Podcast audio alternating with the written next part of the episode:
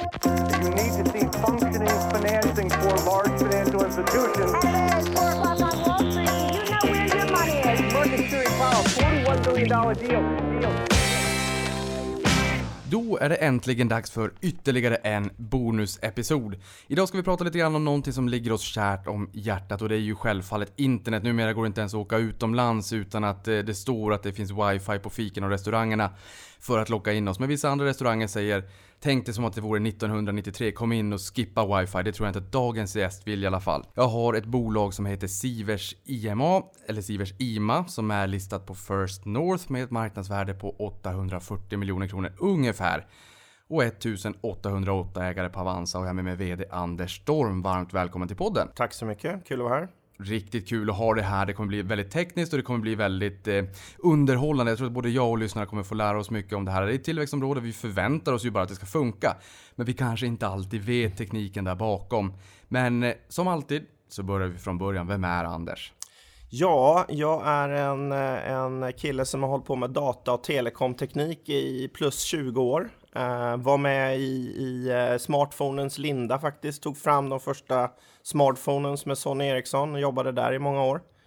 Eh, sen var jag på ett annat bolag i fem år här eh, som heter Burstep Technology och nu har jag varit på Sivers IMA i eh, ungefär fyra år och två och ett halvt som VD och ett och ett halvt år först som CEO. Kunde du någonsin föreställa dig, jag menar du är ändå teknisk, kunde du föreställa dig dagens verklighet för 20 år sedan när du började i branschen? Nej, faktiskt inte. Alltså, eh, jag själv gjorde ju valet eh, redan 1990 vad jag skulle studera för någonting och, och eh, då läste jag datateknik på Lunds tekniska högskola och det kändes ju då 90 att men det, det kommer nog, dator kommer nog bli stort.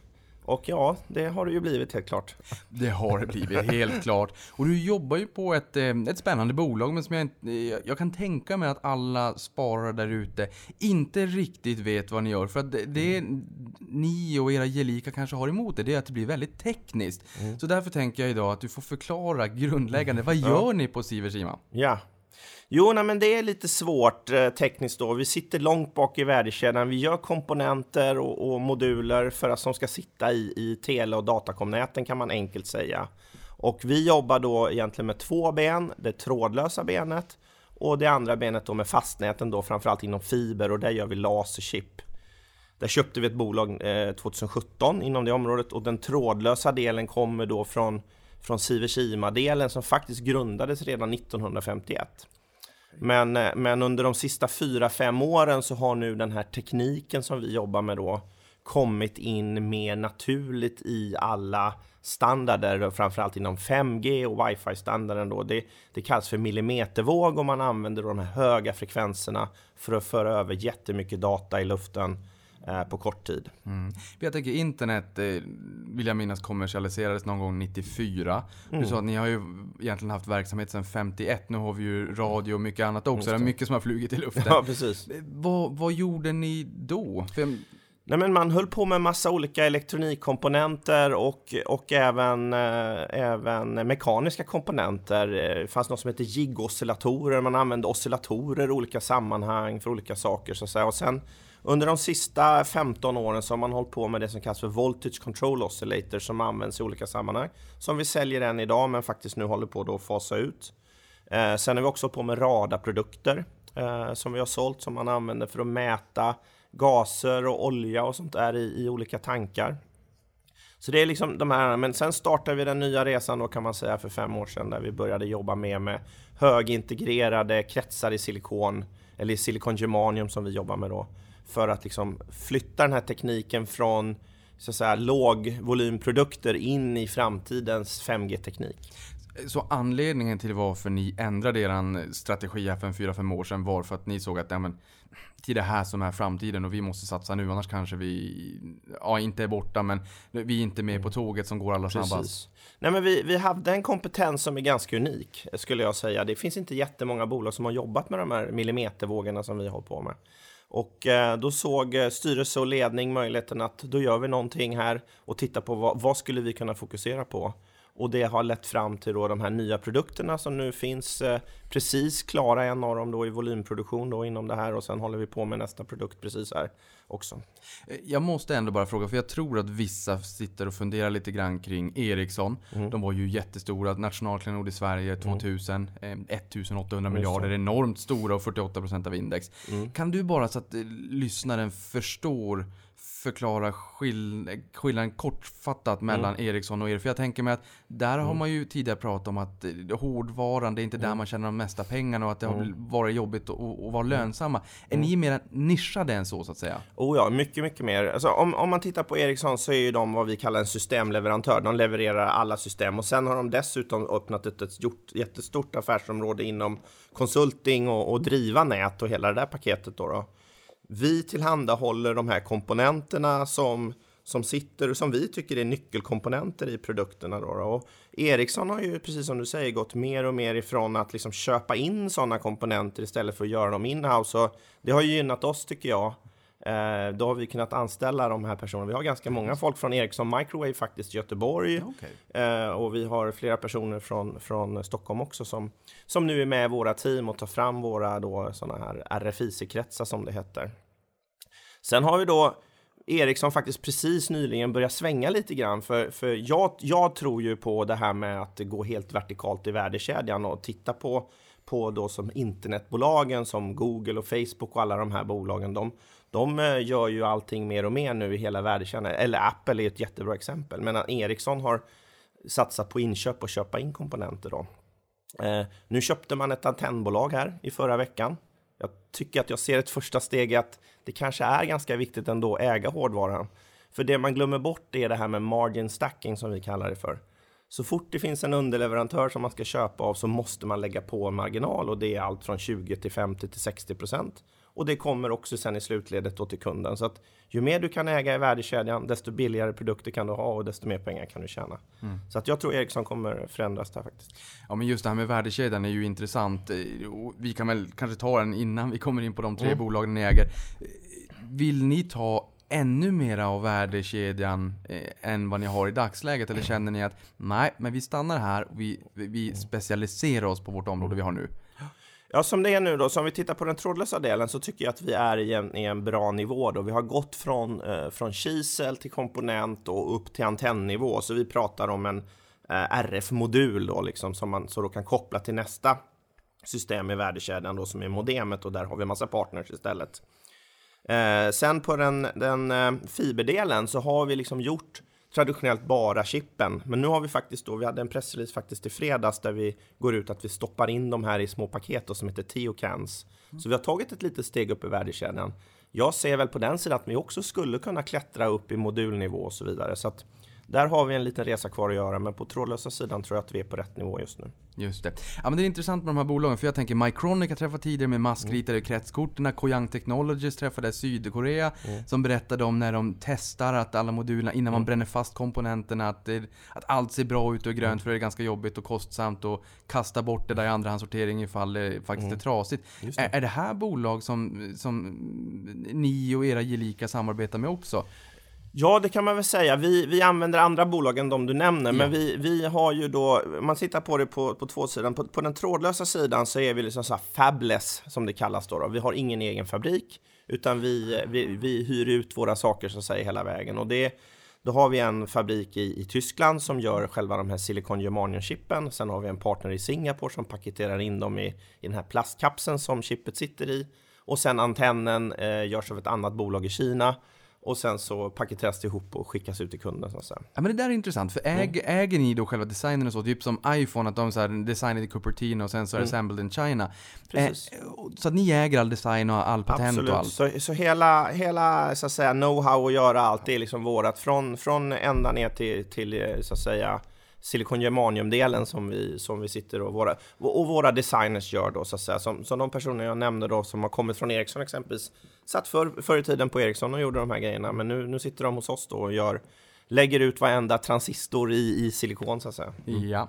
Vad skulle få er att flytta hem produktionen? Eller så, vad är fördelen med att outsourca det i läget ni befinner er nu? Och kan det komma någon läge där ni känner att men vi flyttar hem produktionen? Eller är det ah, mer fördelaktigt skalbart att lägga ut det? Det är mycket skalbarare att lägga ut det faktiskt. Eh, Jag menar, det, att bygga upp ett sånt här foundry inom, inom silikon, det är flera, flera miljarder i investeringar. Så att den, den vägen tänker vi inte gå, utan det finns liksom en, en, en, en bra infrastruktur för att göra det där. Så att eh, det behöver vi inte göra. Nej.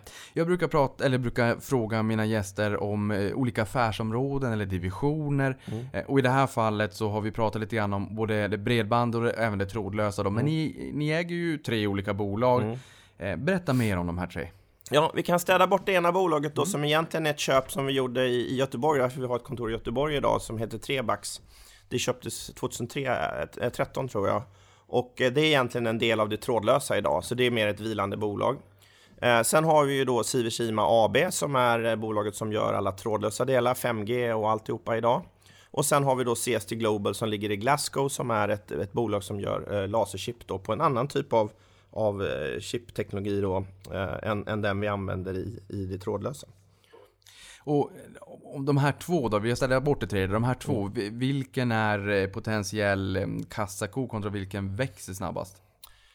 Ja, så att det är två, två skilda, skilda saker jag säga så här. Att, att det trådlösa delen då, där har vi precis tagit oss liksom fram till nya produkter inom 5G och, och där ser vi ju en, en förhoppningsvis ganska stor tillväxt framöver då. Eh, om man tittar på vad marknadsrapporterna säger så ska ju 5G-marknaden växa med 85% om året de kommande liksom 10 åren och tillhandahålla, vad var det, 12,1 triljarder i, i, i ny ekonomi så att säga fram till 2030. Så att det är ju en gigantisk marknad som vi tror väldigt, väldigt mycket på. Men det är också väldigt spännande i det andra benet då, våran, våran fiberdel, för där har vi då produkter som ligger lite före, som har varit ute nu, framförallt i datacenter. Man bygger ju de här gigantiska datacentren, de kallas för hyperscale data centers. Och det är ju företag som Microsoft och Google och Facebook och Alibaba och alla de här då som, som måste ha dem för all, all sin trafik och, och så vidare som, som byggs då. Det är bara att titta på, på, på kamerorna på mobiltelefonerna idag. Du och jag eh, har säkert massa bilder, den tankas upp i molnet omedelbart och, och antalet megabyte på en bild nu för tiden växer och växer. Så att de här datacenterna som ska lagra allt det här exempelvis, det, det bara liksom exploderar. Och då har vi chip som, som går emellan varje de här datorerna inne i datacentren. Och det finns flera miljoner sådana här chip i varje datacenter som byggs ut. Då. Så där tog vi vår största order som bolaget har haft. 10 miljoner dollar här i oktober 2017 tror jag det var som över två år ska levereras som vi fortfarande håller på att leverera på.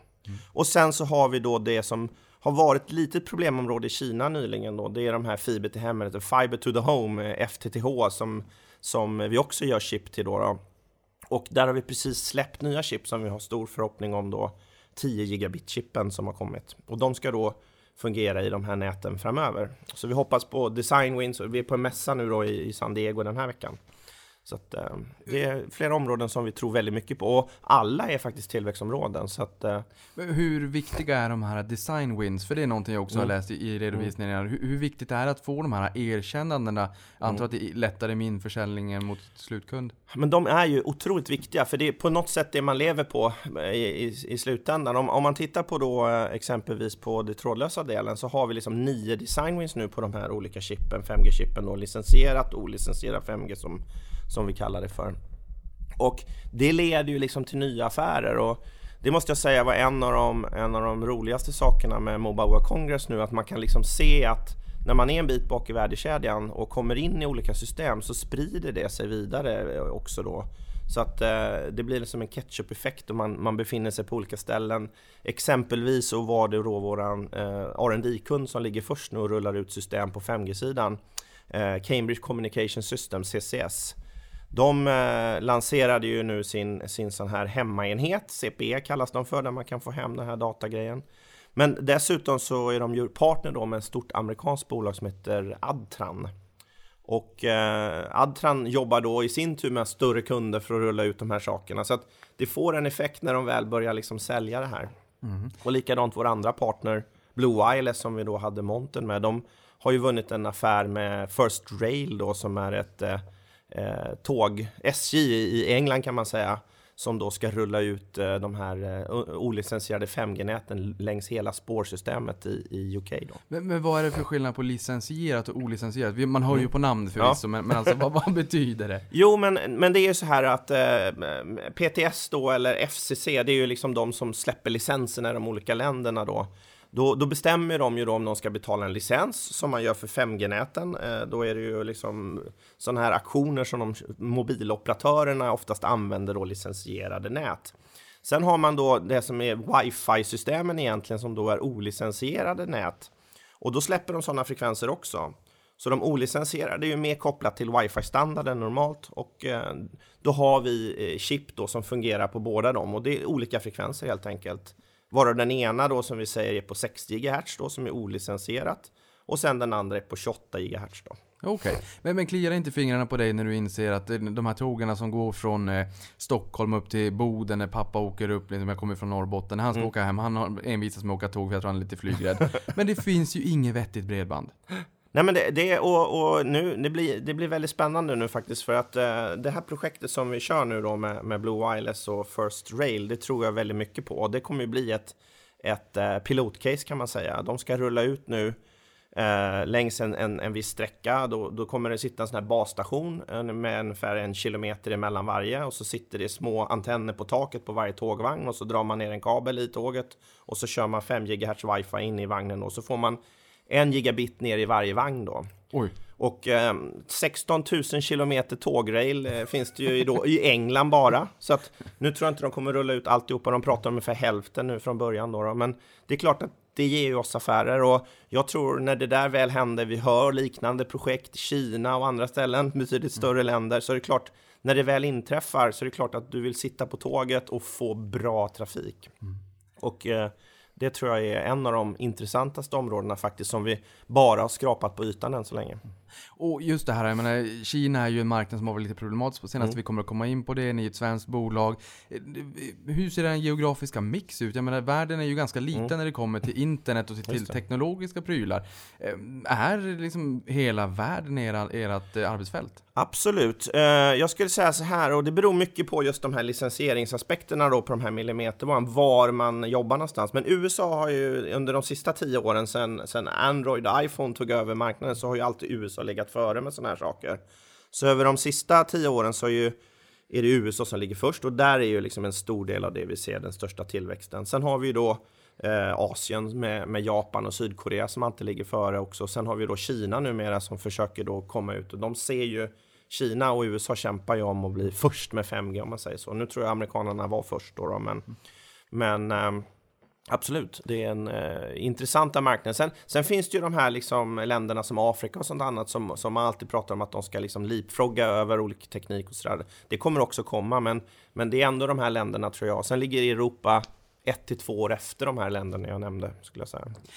En, en, diskussion som varit på senare tid det är ju också här med säkerhet när det kommer till eh, teknologiska prylar så att säga och, och chip inte minst. Mm. Det, det, var en diskussion för ett antal veckor sedan eller kanske några månader sedan som jag nu inte har sett något mer av alls. När man hittade mm. någon lite, lite, liten komponent i, i kinesiska Huawei-chip mm. i, USA. Mm. Eh, hur, hur påverkar det här eran vardag? Men när ni ska sälja till Kina kontra till USA eller om ni har mm. sålt till Kina sen ska ni mm. sälja till USA. Kan det vara på politisk nivå ja. också att man har lite Precis. synpunkter? Ja, men det, det, det, pågår just nu liksom ett politiskt krig mellan eh, USA och Kina framför allt. Och det, det är klart att det, eh, det, drabbar marknaden, lite beroende på hur man ser på det. Men, men om, man, om man tittar på det på ett, ett sätt, om vi tittar på ZT exempelvis, som råkade väldigt illa ut nu när, när USA stängde av alla komponenterna. Och får man inte köpa komponenter från USA, ja då kan man inte göra en produkt som det ser ut idag. Och, och, och ZT tog ju tvärstopp då. då.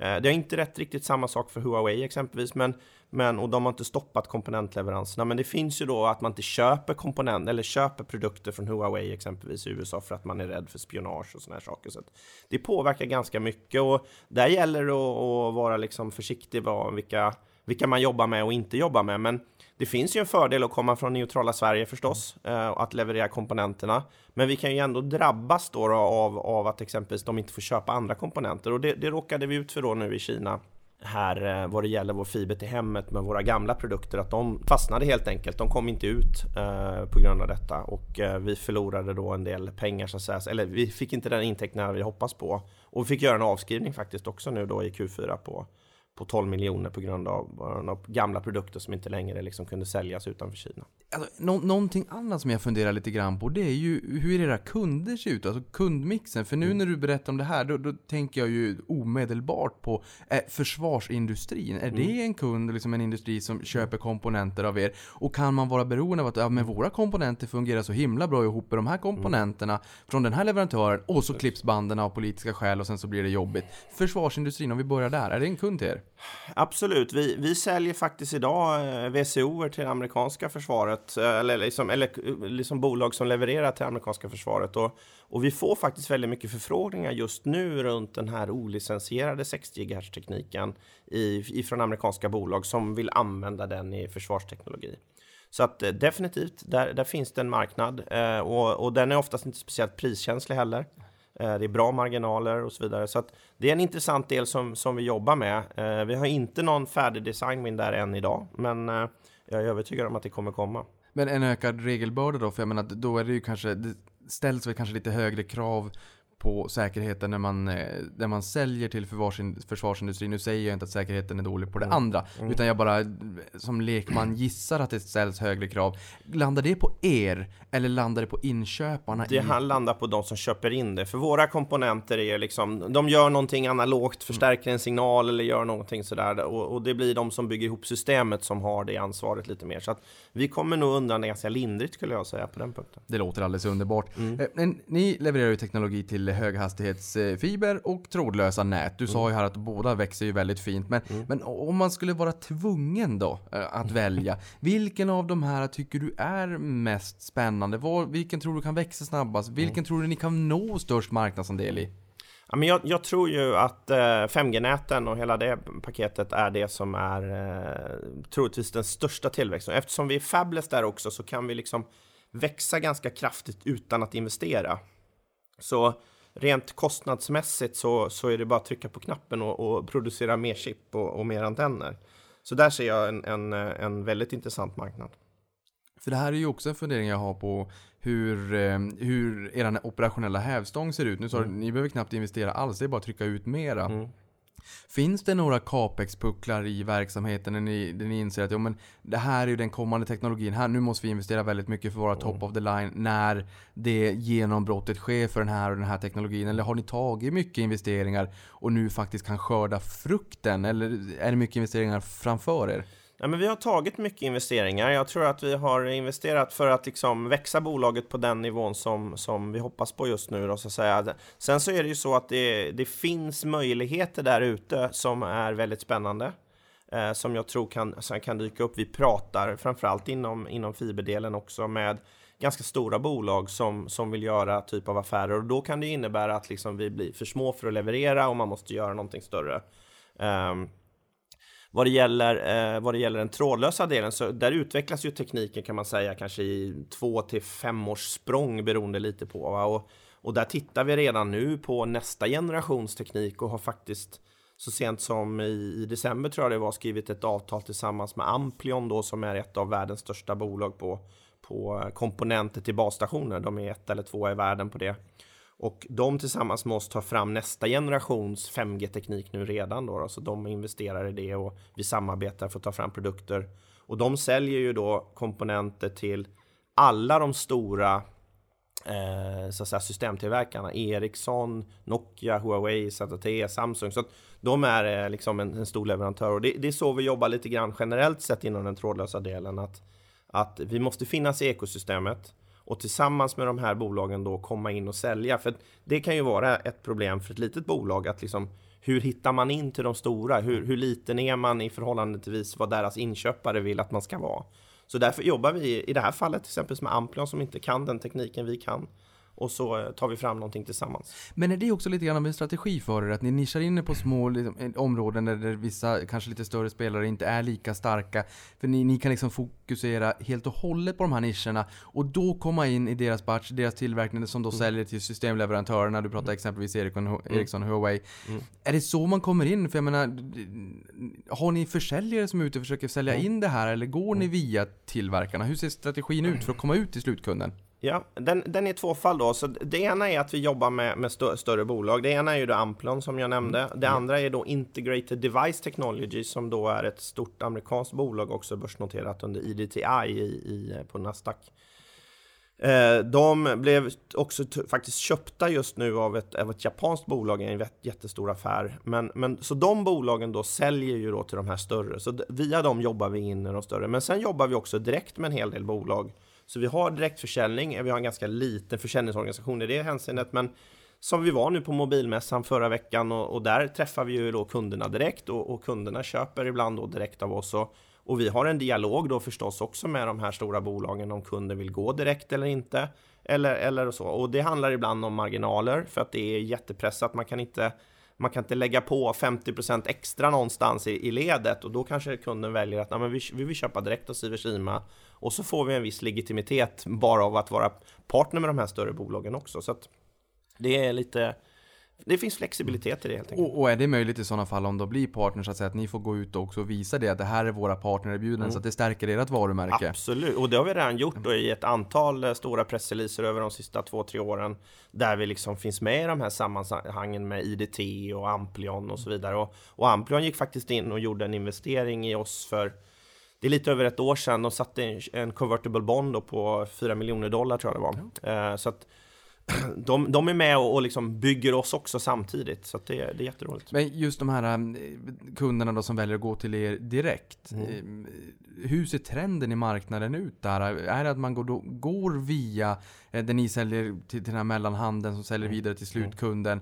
Eller är det att man i allt större utsträckning faktiskt går till er direkt? Hur, hur blåser vindarna? Och hur Ja, men, eh, det? jag tror det är, det är lite, lite både och faktiskt. De, de stora vill ju ha ett stabilt större företag som de kan köpa ifrån och, och det är ganska tuffa krav i de där kontrakten. Så då går de kanske via våra partners. Men vi har ju ett antal eh, design wins också då direkt eh, via våra egna affärer. Så en av de mest intressanta projekten som pågår just nu är ju det här eh, Cambridge Communication Systems då som håller på och rullar ut den här produkten som vi finns med i då. De, de är ganska duktiga på att sprida information om det där. Men de finns exempelvis med i en, en test i BAF runt uh, The Roman BAF där, där de har satt upp 5G-näten med våra produkter i.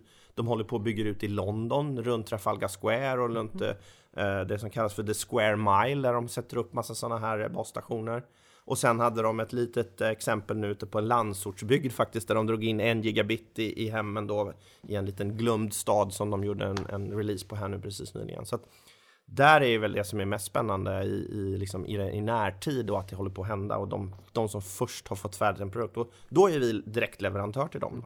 Men just det här med fiberoptik till hemmen. Vi Mm. kommer att prata lite mer om och vi har varit in på Kina som en viktig marknad för det. Men eh, Sverige då? Jag menar jag kommer ihåg när jag får man kanske inte säga, men jag skolkade från skolan den dagen när jag väntade på ADSL för att jag var så peppad att det var den bästa dagen i mitt liv när jag var sådär ung.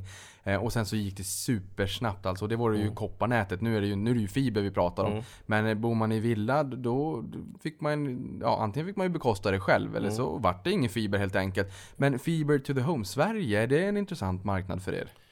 Så Sverige är förhållandevis utbyggt redan och, och det finns ju olika, alltså man kan titta på olika, ta, Spanien, de har liksom över 90% fiber redan.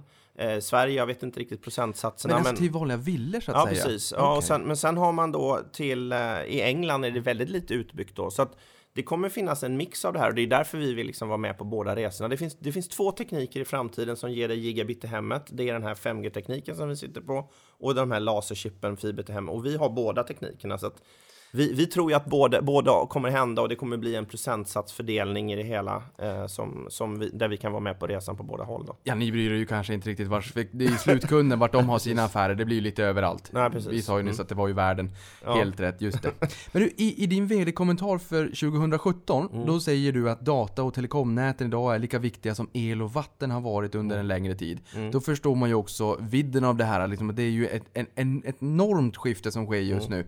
Ehm, och ingen annan teknologi har påverkat oss så mycket på kort tid. Och det, ja, internet har verkligen påverkat oss. Jag kommer ihåg när, eh, Ja, innan internet, jag var väldigt liten men jag kommer ändå ihåg det.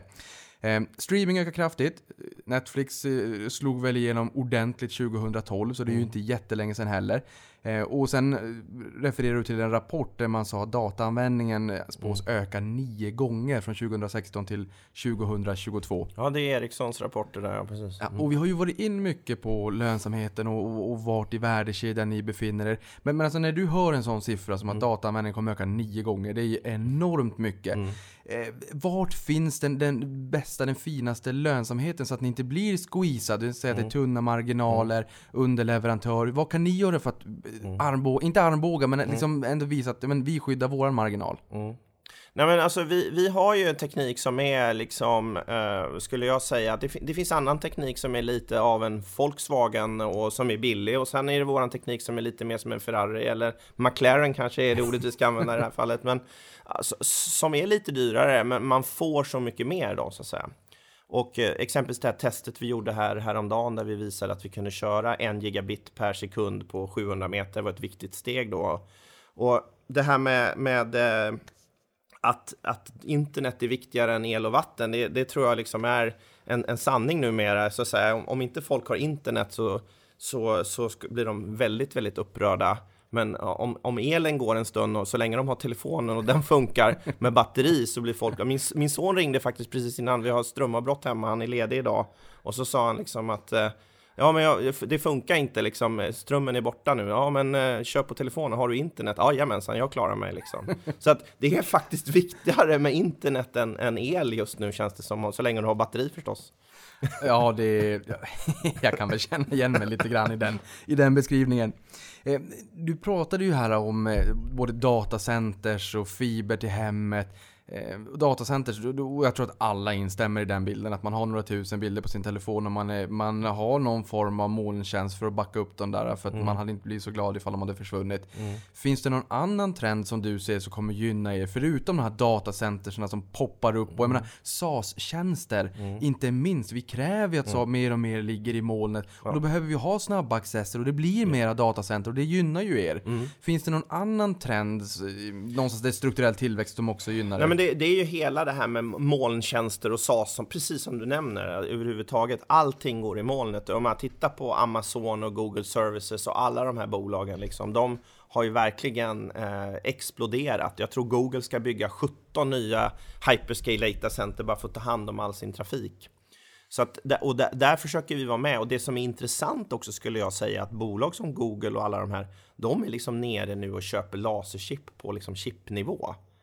Istället för att köpa liksom en komponent eller en server och så vidare. Just för att pressa sina marginaler så att de verkligen kan liksom leverera de här tjänsterna så billigt som möjligt. Så att det händer väldigt mycket på det området.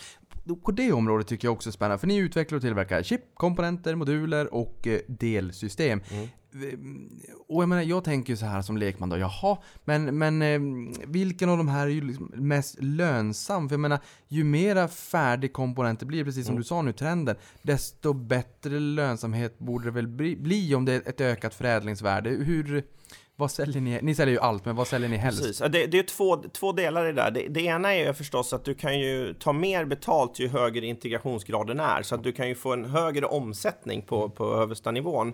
Men det behöver inte nödvändigtvis vara så att du kan ta ut en högre marginal. Men så att på, på, på ren chipnivå så kanske du kan ha en bättre marginal, men då får du inte liksom det som den omsättningen som, som, som du kanske vill ha. Så att det, det finns en, en, en avvägning däremellan och försöka hitta. Vi, vi säljer ju liksom på olika nivåer för att tillfredsställa de olika kunderna som behöver olika chip eller moduler så att säga. Och beroende på vad de klarar av att göra själva. Ibland, och för vissa bolag så brukar det finnas repetitiva intäkter. Här tänker jag ju att ni säljer ju de här komponenterna och sen när det är sålt, då är det ju sålt så att säga. Finns det någon form av eh, ja, servicedel kanske det inte finns. Ni, ni säljer till professionella aktörer. Men är det rent eh, upfront-försäljning eller finns det några andra intäktsben? Ja, alltså en, en viktig del är ju när man bygger ihop systemen, det vi kallar för NRE, alltså Non-Recurring Engineering, att de betalar oss för det. Och sen finns det ju också en del supportavtal för att vi ska supporta dem och bygga ihop systemen. De får ju liksom ritningar av oss för att göra de här sakerna och så vidare. Så det finns ju, men, men just eftermarknaden, förutom supportavtalen, det är kanske inte det som är det största, utan det, det är ju faktiskt att sälja komponenterna. Och i en, i, en, eh, i en marknad som kanske då under de kommande 25 åren ska växa, om man som 5G exempelvis, det är ju liksom ingenting som man bara säljer i fem år, utan det kanske är 25 år framåt det kommer. Och så kommer det liksom nya system hela tiden. Det här är ju femte generationens system och sen om tio år kanske det kommer 6G och så vidare. Va? Så att det finns alltid någonting att, att jobba med. Mm. Och eh, på tal om kostnader, och vi har ju varit in lite grann på den här operationella hävstången. Jag menar, är det så att marknaden, för den kommer ju växa eh, kraftigt. Mm. Eh, och det tror jag vi alla förstår, för det, det är bara att gå tillbaka till oss själva. Vi konsumerar mer och mer internet och hemma så är det mer och mer enheter. Det är data som är påkopplad på nätet och det är paddan och telefonen och mm. projektorer och Playstation och allt vad det är. Ehm, I takt med att det här växer och, och ni får större volymer, ehm, hur, ser, liksom, hur mycket kan ni trycka ner enhetskostnaderna då? Men det, det, är klart att det finns en, en eh, så att säga, eh, economy of scale i det hela vi, vi gör. Så att eh, eh, det, det, kommer ju bli billigare och billigare när, ju, mer man, ju mer man trycker. Och sen är det ju så här liksom med, med tekniken också att våra underleverantörer av silikon germanium och vad det än må vara, det har ju en nedåtgående trend i kostnaden också hela tiden. Så att det ger oss en möjlighet att liksom få en bra marginal på det vi gör och sen så gäller det ju liksom i rätt tillfälle ha nästa generations teknik så du kan kliva över och då är ju oftast den tekniken billigare och bättre så att säga. Så att det är det vi jobbar på nu och vad ska vi, vad ska vi befinna oss liksom om, om tre till fem år? Mm. Den frågan kommer i slutet. ja. men, men, men, innan dess eh, så tänker jag mig att vi ska fundera lite kring vallgravarna mot konkurrenterna. Mm. Vi har varit in på patent lite, lite grann. Mm. Men gå gärna in på det lite mer. Mm. Hur ser vallgravarna ut? Varför väljer man eh, Sivers Ima kontra mm. konkurrenterna? Jag skulle säga att det finns eh, en know-how i, i bolaget inom båda våra områden eh, där vi har jobbat ganska länge med den här tekniken. Och eh, vi har inte satsat jättemycket på patent. Vi väljer istället att liksom inte visa alla hur vi gör det, utan det är ju som hur, hur våra know-how som sitter i de här chippen dolda. Hur, hur gör vi dem för att göra det bra? Och det finns många stora bolag som, som har misslyckats att göra millimetervågsaker. Ta Broadcoms satsning exempelvis. De har liksom end of lifeat sin sak för att de inte liksom fick det på plats. Så det är en viktig del. Ehm, så har vi en teknik som är, som är väldigt liksom, eh, bra då så att säga i, i jämförelsevis. Och sen är det ju så att det här med, med vallgravarna vi försöker skapa också, det är ju att, att vi jobbar då med, med olika eh, partners i det här då. Som ta exempelvis Blue Wireless som är väldigt viktig, eller IDT som har modemet och att den nya tekniken idag, den behöver liksom fungera ihop. Man, kan inte, man köper liksom inte ett enskilt chip och gör allting själv nu för tiden av systemtillverkarna, utan man vill ha ett system som fungerar för att det är ganska komplext. Varje sån här liksom chip som vi gör, de har 16 sändare, 16 mottagare, de ska styras i rätt riktning och det ska fasfridas och det ska göras massa saker. Och då måste systemet fungera ihop på ett, på ett bra sätt när man väl har designat in ett sånt system så vill man ju inte gärna byta. Man kan inte bara byta ut den igen. Då måste man byta allt och göra en helt ny grej. Och, och det skapar ju förstås en vallgrav. Det blir svårt att byta ut sakerna när de väl är indesignade. Så det skapar, skulle jag säga, en, en väldigt bra position för oss när vi väl är där. Någonting annat jag tänker på, det kanske inte gäller för dig, då får du i sådana fall, du får rätta om ja. jag har fel här. Men, men, men eh, just det här med, med, med äh, hackers och att man hackar in i olika styrsystem och, och sådär. Påverkar det era komponenter överhuvudtaget? Eller är det den som sätter ihop och sätter samman en slutprodukt? Är det de, deras huvudverk så att säga? Precis, det är inte våran huvudverk skulle jag säga. Vi, vi, vi är mer liksom hårdvarufokuserade och, och på väldigt eh, låg nivå så håller vi på med liksom mjukvarudelar för att styra de här sakerna. Eh, våran partner Blue Wireless kan nog komma närmare. De har liksom något som kallas för Mac-lagret och så vidare, men det är fortfarande liksom ganska långt ner i den här stacken av vad saker händer. Så det, det kommer först på nästa nivå. Det är system, systemtillverkaren som helt enkelt har, mm. har den utmaningen. Och du sa ju nyss här att du ska till Vegas snart, men du har ju faktiskt varit ute och rest också. Du är nyss hemkommen från Mobile World Congress i Barcelona. Mm. Jag tror att det är många som är väldigt nyfikna på vad som händer där borta. Berätta! Ja, eh, men det har varit en fantastisk vecka både för oss och för hela branschen skulle jag säga. Den, den stora grejen är ju nu liksom att 5G verkligen händer. Eh, jag hörde att eh, CEOn för, för Cisco var ute och sa att det här är en hype som inte är en hype utan en verklighet. Eh, VDn för Nokia var ju också där och sa att 5G är här nu och så vidare. Så att 5G har verkligen liksom tagit sig från att vara liksom något spännande nu till, till en, en verklig teknologi som har börjat rullas ut överallt i världen och, och det är massa aktioner, de köper eh, spektrum för höga belopp. Eh, den andra delen är ju då det här att det, det börjar ju komma då i telefonerna och, och där kan man ha lite olika åsikter om, kommer liksom den här millimetervågen som vi jobbar med funka i telefonerna? Och eh, ja, jag tror att det fungerar, men jag ser det nog mer som att man kommer stoppa in det där i telefonen och ha det som ett modem du lägger på bordet. Du kommer kanske ihåg de här MiFi-puckarna som såldes en gång i tiden. Va? Du, du får ett 1 gigabits modem där du liksom kan koppla upp dig kanske inte du går runt och pratar och använder det på det sättet eftersom det är liksom en line of sight teknologi i huvudsaken. Sen så kom ju då den, den, stora grejen som vi alla var chockade över priset också, de här foldable phones som både Huawei och Samsung kom ut med. Ja. Vi pratar eh, liksom plus 20 000 kronor. Jag vet inte hur många som kommer köpa dem, men, men eh, det är förstås en, en grej som det var mycket snack om. Och eh, väldigt spännande. Sen, sen pratar man ju mycket om det här med AI som kommer in överallt för att det ska spara pengar i on the edge. Man pratar om liksom själv, självhelande system och man, man har även i telefonen. Eh, Qualcomm är ju en viktig komponentleverantör till alla mobiltelefoner och de hade sin fjärde generations eh, AI nu levererad då i, i, sina, i sitt chip då som många använder, de här Android-tillverkarna som Samsung och allihopa då. Så det var en viktig del och sen då så Sen för våran egen del skulle jag säga då, den, den stora delen var ju liksom allt det här med, med 5G som händer, eh, både på olicensierat och licensierat då och de sakerna jag nämnde bland annat nu då, liksom att CCS och Adtran gör mycket saker tillsammans. Vi ser andra bolag som liksom vill köpa och använda deras teknik eh, också. Och sen så finns det då det här med, det här med tågprojekten eh, som jag tror kommer bli en väldigt spännande del i liksom våran framtid som, eh, som har just nu liksom kommit till ytan kan man väl säga och tidigare inte pratat speciellt mycket om. Men nu börjar det bli en verklighet. Men ni hade ju en jättestor monter där nere. Mm. Eh, och sen eh, hade ni det här testet också med en gigabit per sekund på 700 meter. För den som inte riktigt kan eh, vikta den informationen. Men för er det, var det ju en Mm. jättestor grej och det här skrevs ju om i, i olika artiklar på nätet såg jag också. Mm. Men berätta, liksom, hur stort genombrott var, var, var det för er?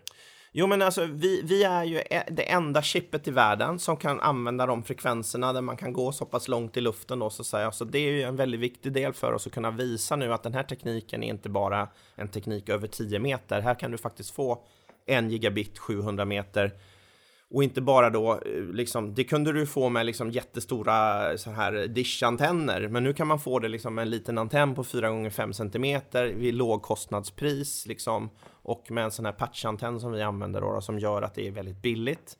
Och, och det gör ju att tekniken blir väldigt tillgänglig. Om du nu ska sätta ut massa sådana här små basstationer och du ska sätta ut sådana här enheter på hemmen och så vidare så, så är ju det viktigt att tekniken är, är kostnadseffektiv. Och i det här fallet så tror jag att, liksom att, att koppla upp eh, en, eh, en trådlös länk till hemmet eh, där du får en gigabit. Du kan göra det på samma dag väldigt snabbt. Det kostar inte så mycket att få det installerat och det är liksom sju gånger billigare för dig än att gräva in en fiber i hemmet. Då är det klart att då blir det intressant att rulla ut den här tekniken och det går så fort så att säga. Och hur lång tid tar det inte när du beställer en, en fiberkabel till hemmet innan du har den i hemmet? Så att den här tekniken kommer liksom kunna rullas ut och det kommer bli ett jättebra komplement till fiber för fibern kommer behövas. Så hela det paketet är, är jätteviktigt. Det där blir ju superintressant. För, Mm. för till att börja med när du beställer fiber till hemmet, om du inte har internet, då vill du egentligen ha det innan du beställde det. Ja, precis. Eh, och sen så uppenbarligen med 20-30 tusen har inte varit några no konstigheter när man bor i villa och så här. Nej. Vill du dra in det då får du pröjsa det själv. Mm. Här uppenbarligen väldigt kostnadseffektivt. Mm. Ehm, Jag kommer ju ihåg, ja det gör ju du också såklart, när vi installerade 4G. Ja, Eh, och, och man gömde stora sådana här sändare och mottagare i konstgjorda palmer och Ja, konstgjorda stenar och man ville inte ha det för nära. Mm. Vi fick frågan i vår bostadsrättsförening, kan ni sätta upp sådana här på taket? Ja, det kan vi, fick en extra intäkt, men vågar vi för att det kanske är farligt med strålningen Mm. och sådär. Hur, hur långt har vi kommit? Liksom, det, det känns som ett jättesteg från, från det, alltså när man Mm. gömde de här stora antennerna till, eh, till den här tekniken som är väldigt, väldigt billig också. Mm. Ja. Nej, men det, det ena är ju förstås att de här små small cellsen som man pratar om, de, de syns knappt kan jag tycka. Liksom. Det, är en, det är en liten box som är kanske 40 cm hög och 20 cm bred och man sätter upp den liksom på en, på en lyktstolpe som redan finns på gatan i alla fall. Så det, det kommer inte störa så mycket. Och sen sätter du den här lilla boxen på utsidan av hemmet då som är en liten platt låda. Kan vara allt från 10 till 10, gånger 10 cm. Eh, så att det kommer inte vara speciellt störande skulle jag säga. Plus det här med Eh, att man är så rädd för det här med, med eh, eh, radiovågorna har ju funnits liksom oro då. Och jag skulle säga att, att det finns ju forskning förstås på hur många hjärntumörer man har fått genom åren. Liksom. Och om man går tillbaka då 20 år i tiden när inte mobiltelefonin fanns så var hjärntumörerna fler då än vad de är idag. Och det tycker jag säger en hel del om hur farlig den här tekniken är. Den är inte farlig överhuvudtaget. För hade det varit så så hade vi ju sett en stor förändring på den fronten. Och dessutom är det så att millimetervågorna de är ju en line of sight-teknik som vi pratar om. De, de, går inte ens igenom liksom ett träd med massa, massa stora grenar och löv i, så att säga. Så att, och det går inte heller, mycket forskning, det går inte in genom huden heller. Så att den är liksom helt ofarlig ur det perspektivet. Så att, men och den här teknologin, om jag förstår det hela rätt, och då kan ni med, ni säljer ju inte till slutkunden, men, mm. men alltså det här kan ändå göra att man, om man är villaägare och inte har bredband, då kan man spara en 20-30 tusen för att slippa be, be, ja. gräva in fibern i kåken. Om man har en sån här lösning och kommunen eller staden eller var mm. man då bor har den här typen av lösningar med den här antennen. Precis. Men du, eh, slutkunden, mm. För, ni säljer ju till, till underleverantörer som säljer mm. till de stora spelarna, eller direkt till spelarna då. Mm. Men, men och, och vi har ju pratat om att eran teknologi, era chip också är McLaren. Mm. Um, men, men, hur mycket mm, professionella produkter kontra slutkonsument produkter eh, hamnar era chip i. Jag menar min Google Home hemma mm. kontra den här basstationen som skjuter till, till järnvägståget. Mm. Ja, men vi, vi är ju mer i, i den som vi kallar för infrastrukturdelen. Vi är inte i konsumentelektronik idag. Jag, jag har pratat om det när vi började den här resan att jag kanske om 5-10 år så kanske våran teknik kommer sitta ännu närmare konsument. Eh, om vi tittar på eh, så att säga, eh, det som är närmast är ju den här liksom CPN eller kundenheten som kanske sitter på utsidan av huset eller kanske står i fönstret då, då som en liten dosa. Eh, det är liksom där, där vi kommer närmast konsumenten eh, som det är idag. Och någonting annat jag tänker på också, det är just 5G. Vi har varit in på mm. det mycket, men jag menar, eh, en gång i tiden då skaffade man sig ett bredband och sen hade man sin dator. Och nu mm. har man ju liksom 50-11 uppkopplade saker. Nu ska allt vara uppkopplat, till och med tandborsten snart. Så att man kan skicka signal till tandläkaren om du har borstat den här tanden där bak eh, ordentligt eller inte. Och det kräver ju bandbredd. Mm. Och vi blir ju tokiga om det, ja det är en, det är en mm. pojk nu som är hemma idag när ja. nätet går, man kan kolla på telefonen.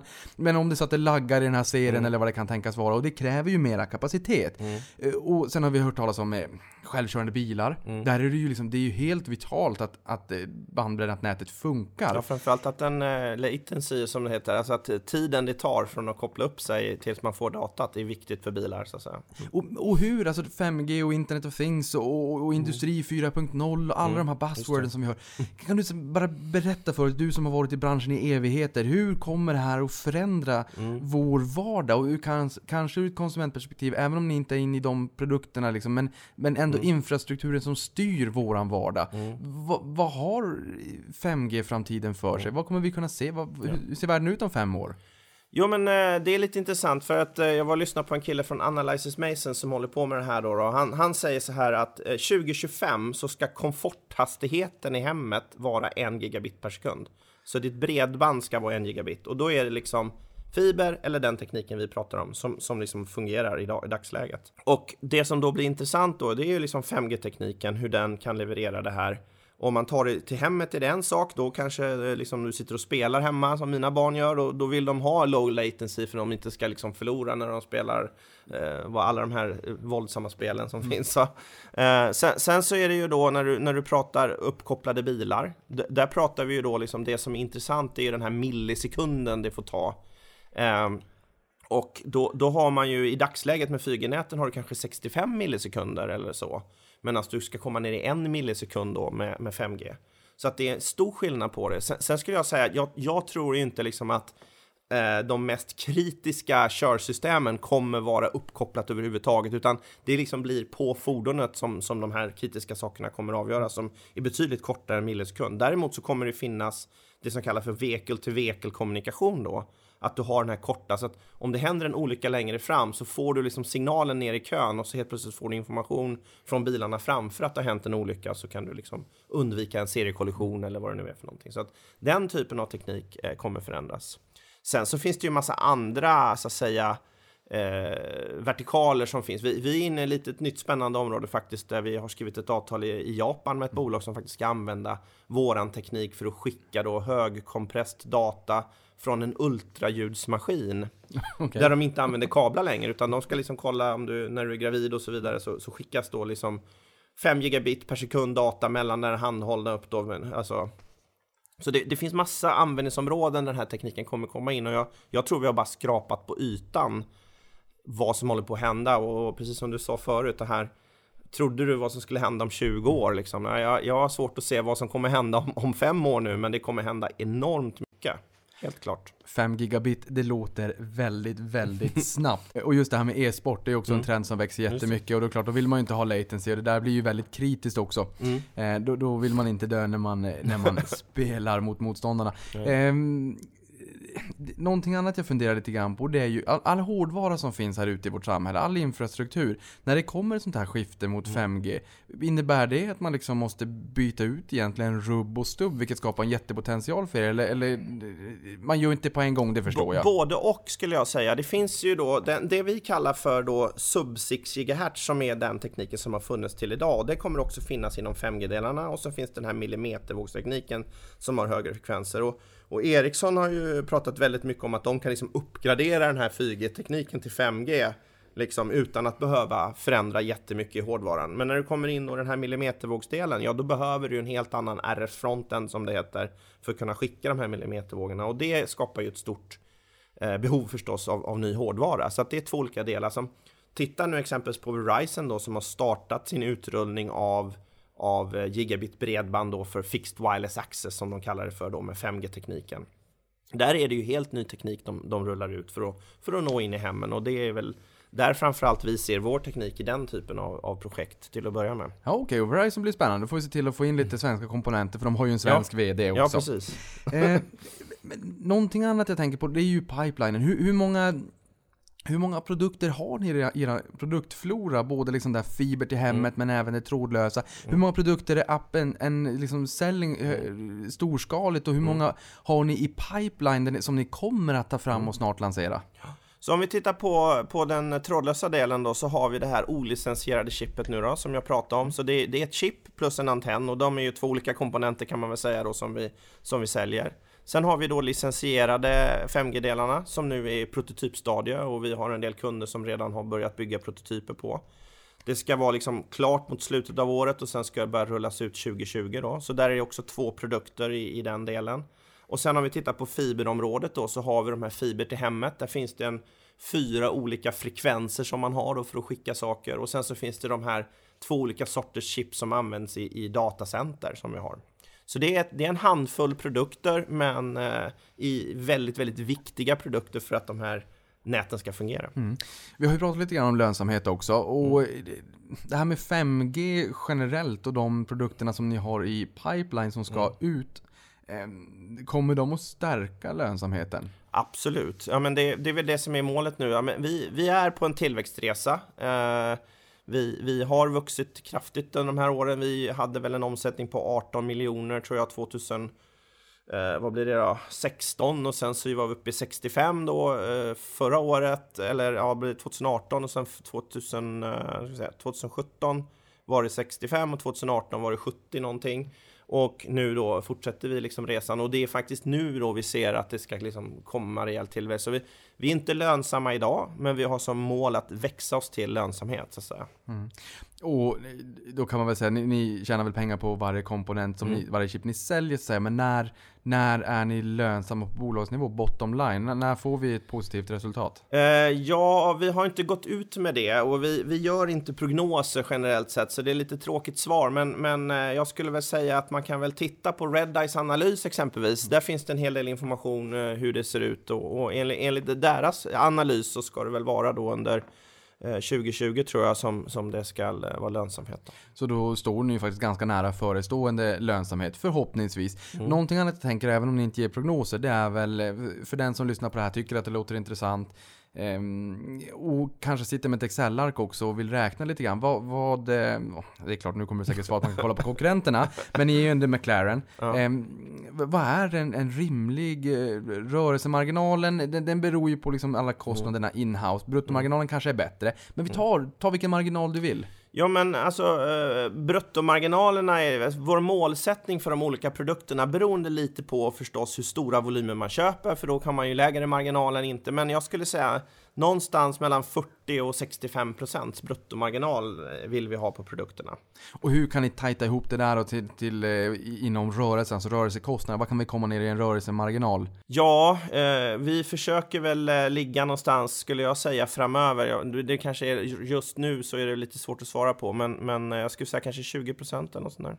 Låter ju som en vettig marginal. Och någonting Mm. som kanske kommer före lönsamheten, före vinsten, det är ju kanske då positivt kassaflöde. Mm. Kan det ligga närmare i tiden? Eh, ja, det blir ett tråkigt svar där igen då. då. Jag tror man får titta på, på Red Eyes analys bland annat vad de säger eh, då, då eftersom vi inte går ut med några prognoser själva. Så att, eh, ja. Men någonting som är desto roligare, Mm. eh, även om det svaret i, i och med att ni då inte kan säga någonting, inte ens breaking news på den här podden. Mm. Eh, det du däremot skrev i, i senaste kvartalet, i Q4, det var ju att det var det mest spännande kvartalet som Mm. du har haft som VD för, för Siversima. Eh, vad menar du där? Berätta. Ja. Ja, men vi skrev två väldigt intressanta avtal. Och det ena är ju ett sånt här super, superhemligt avtal som vi har skrivit med ett, eh, ett eh, Fortune 100-bolag i USA. Eh, där vi fick en förserieorder på 21,5 miljon. Och det är ju en ganska stor grej för att vara en förserie, skulle jag säga. Så det är ju liksom en, en väldigt spännande sak. Vi har inte ens fått gå ut med vad det rör för någonting. Den andra delen var det här avtalet med Amplion då, där vi börjar jobba vidare och de har ju då investerat i oss tidigare och de har varit med och tagit fram det nuvarande 5G-chippet och nu gör vi då liksom nästa chip då tillsammans med dem riktat faktiskt till en specifik eh, till rätt kund då som vi, vi jobbar mot. Så att, eh, och det, det projektet ska ju liksom då leverera saker under andra halvan i år redan eh, mot de här. Så att det är väldigt spännande saker som händer hela tiden.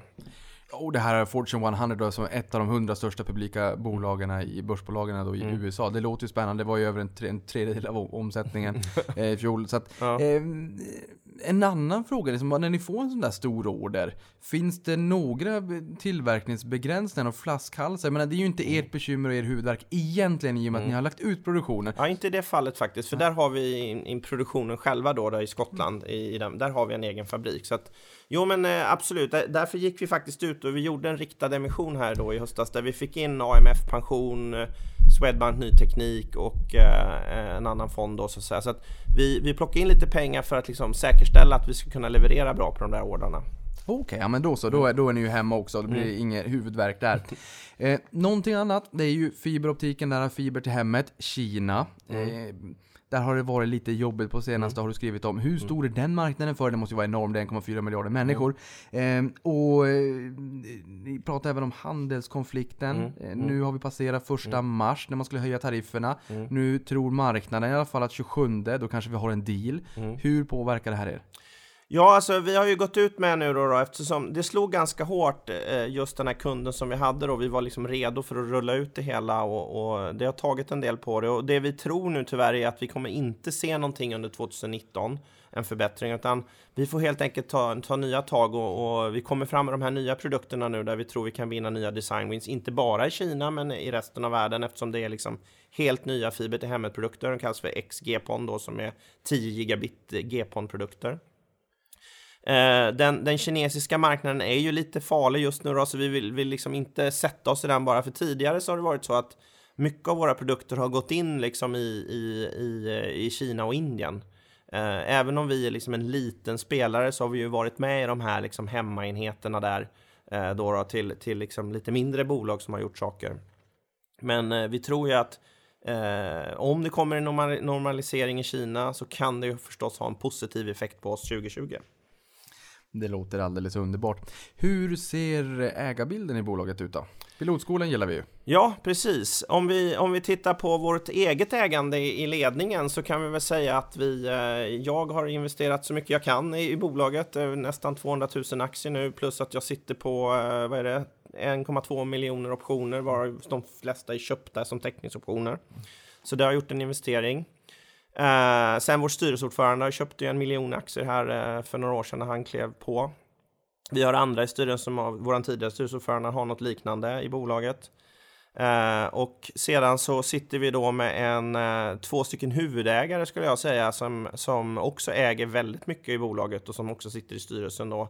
Det är upp till 43 procent skulle jag säga då. En kille som heter Keith Halsley som är en, en räv från eh, laserbranschen. Han har eh, köpt och sålt bolag och investerat i bolag. Han köpte det här bolaget som vi köpte då för 17 år sedan av Intel i, i Skottland. okej.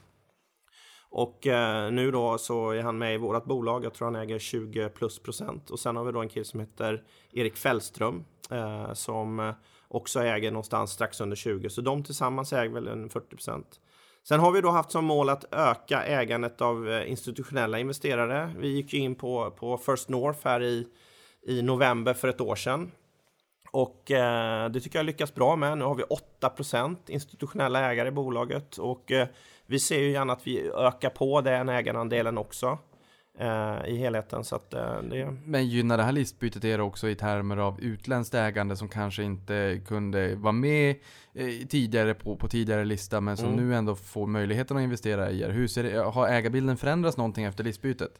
Nej, ägarbilden har inte ändrats så jättemycket. Än så länge har det varit mycket fokuserat på den, på den svenska mar- marknaden och börsen. Nu kommer vi med ett sånt här mikrocap-index faktiskt från eh, MSI eh, som är lite roligt. Eh, Vi blev utplockade här i, i december. Så att det, jag tror att vi liksom kommer och sprider oss mer som namn då. Sen håller vi ju på eh, med ett, en, en eh, lite längre resa att försöka flytta då till huvudlistan också.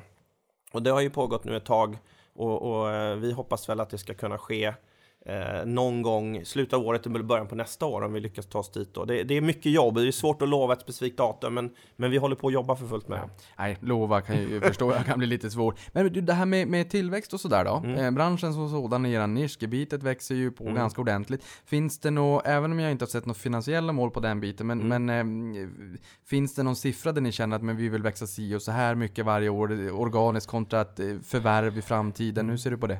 Alltså organisk tillväxt är det vi satsar på mest just nu. Vi, vi befinner oss i en marknad då när man säger att 5G-marknaden ska växa med 85% per år.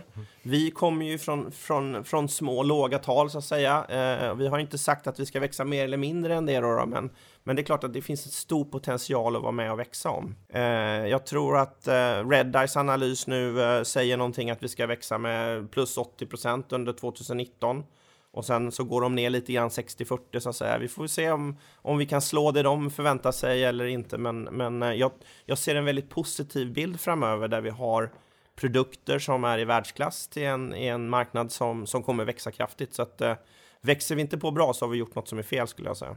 Det låter bra och då får, man, får vi väl också tipsa om att du som lyssnar på det här, då får du helt enkelt googla, googla fram Redeyes analys av bolaget. Så att man får det lite grann som underlag också. Mm. För det låter ju, tycker jag, mellan raderna som att de är ju inte helt ute och cyklar i sina estimat, även fast du inte kan säga någonting. men det ger någon form av bra guidning i alla fall, så man Mm. Ja. kan ha det som ett, ett underlag.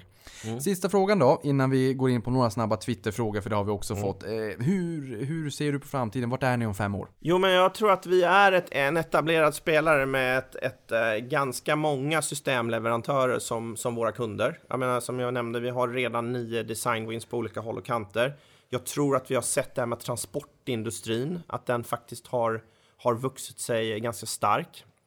Sen att vi verkligen har några av de större kunderna inom datacenter som, som eh, kunder, det tror jag är liksom eh, ett absolut måste om vi ska vara med och spela inom det området. Första frågan från Samuel Claesson då. Han Mm. frågar lite grann om hur det går med det utlovade listbytet. Men det Mm. där bytte ni lista till First North i, eh, i fjol då. Men, Ja. men sen sa du att ni kanske ska in på huvudlistan. Ja, precis. Ja, men det är, den, det är det vi håller på med och jobbar med nu då, som jag sa. Och, och eh, vi kommer komma med mer information efterhand här eh, vid, vid eh, bolagsstämma och så vidare här i, i den 22 maj, som alla är välkomna på förstås. Eh, men, men vi jobbar med, det är ett antal grejer, den här bolagskoden och vi ska gå över på IFRS och det ska göras massa saker. Så att det är lite svårt förstås att säga exakt när det kan ske, men, men eh, jag hoppas att vi kan liksom lösa det i alla fall inom ett år. Men, men eh, vi får se om det händer. Och sen undrar Samuel här också hur många anställda ni är i dagsläget. Vi är lite över 100 anställda i dagsläget. Mm, det är ett stort bolag ändå. Mm. Sen har vi Jonas Nunstedt som säger eh, Vilken potential ser du då i AutoAir-projektet och hur långt fram i tiden ligger utrullningen av det här? Är visionen att i framtiden täcka större delen av vägnätet? AutoAir skulle jag säga är ett intressant projekt, men jag tror att i första skedet så kommer det mer in i det här med transport runt, runt tåg och sådär i första hand. Jag är inte så säker på att man har ett behov av en gigabit ner i bilarna på samma sätt som man kommer ha i tågen där det sitter mer personer, kanske på bussar och sånt där, men, men eh, storleken på, på det här First Rail-projektet det är ju någonstans att de kanske troligtvis kommer rulla ut någonstans 8000 kilometer eh, så att säga täckning runt, runt tågspåren och då sitter en basstation var tusende meter och sen kommer det sitta antenner på taken eh, på, på varje tågvagn eh, och så vidare. Så det, det, är ett väldigt intressant projekt. AutoAir ger en möjlighet att visa på framförallt Blue Wireless teknik hur de kan liksom koppla upp sig snabbt och ha låg latency mellan basstationerna när man kör förbi med McLaren i 250 km i timmen. Då säger jag så här, Anders, stort tack för att du kom till podden och gjorde oss kl lite klokare kring 5G eh, och eran verksamhet och vad framtiden har att vänta. Stort tack! Ja, stort tack, jättekul att vara här.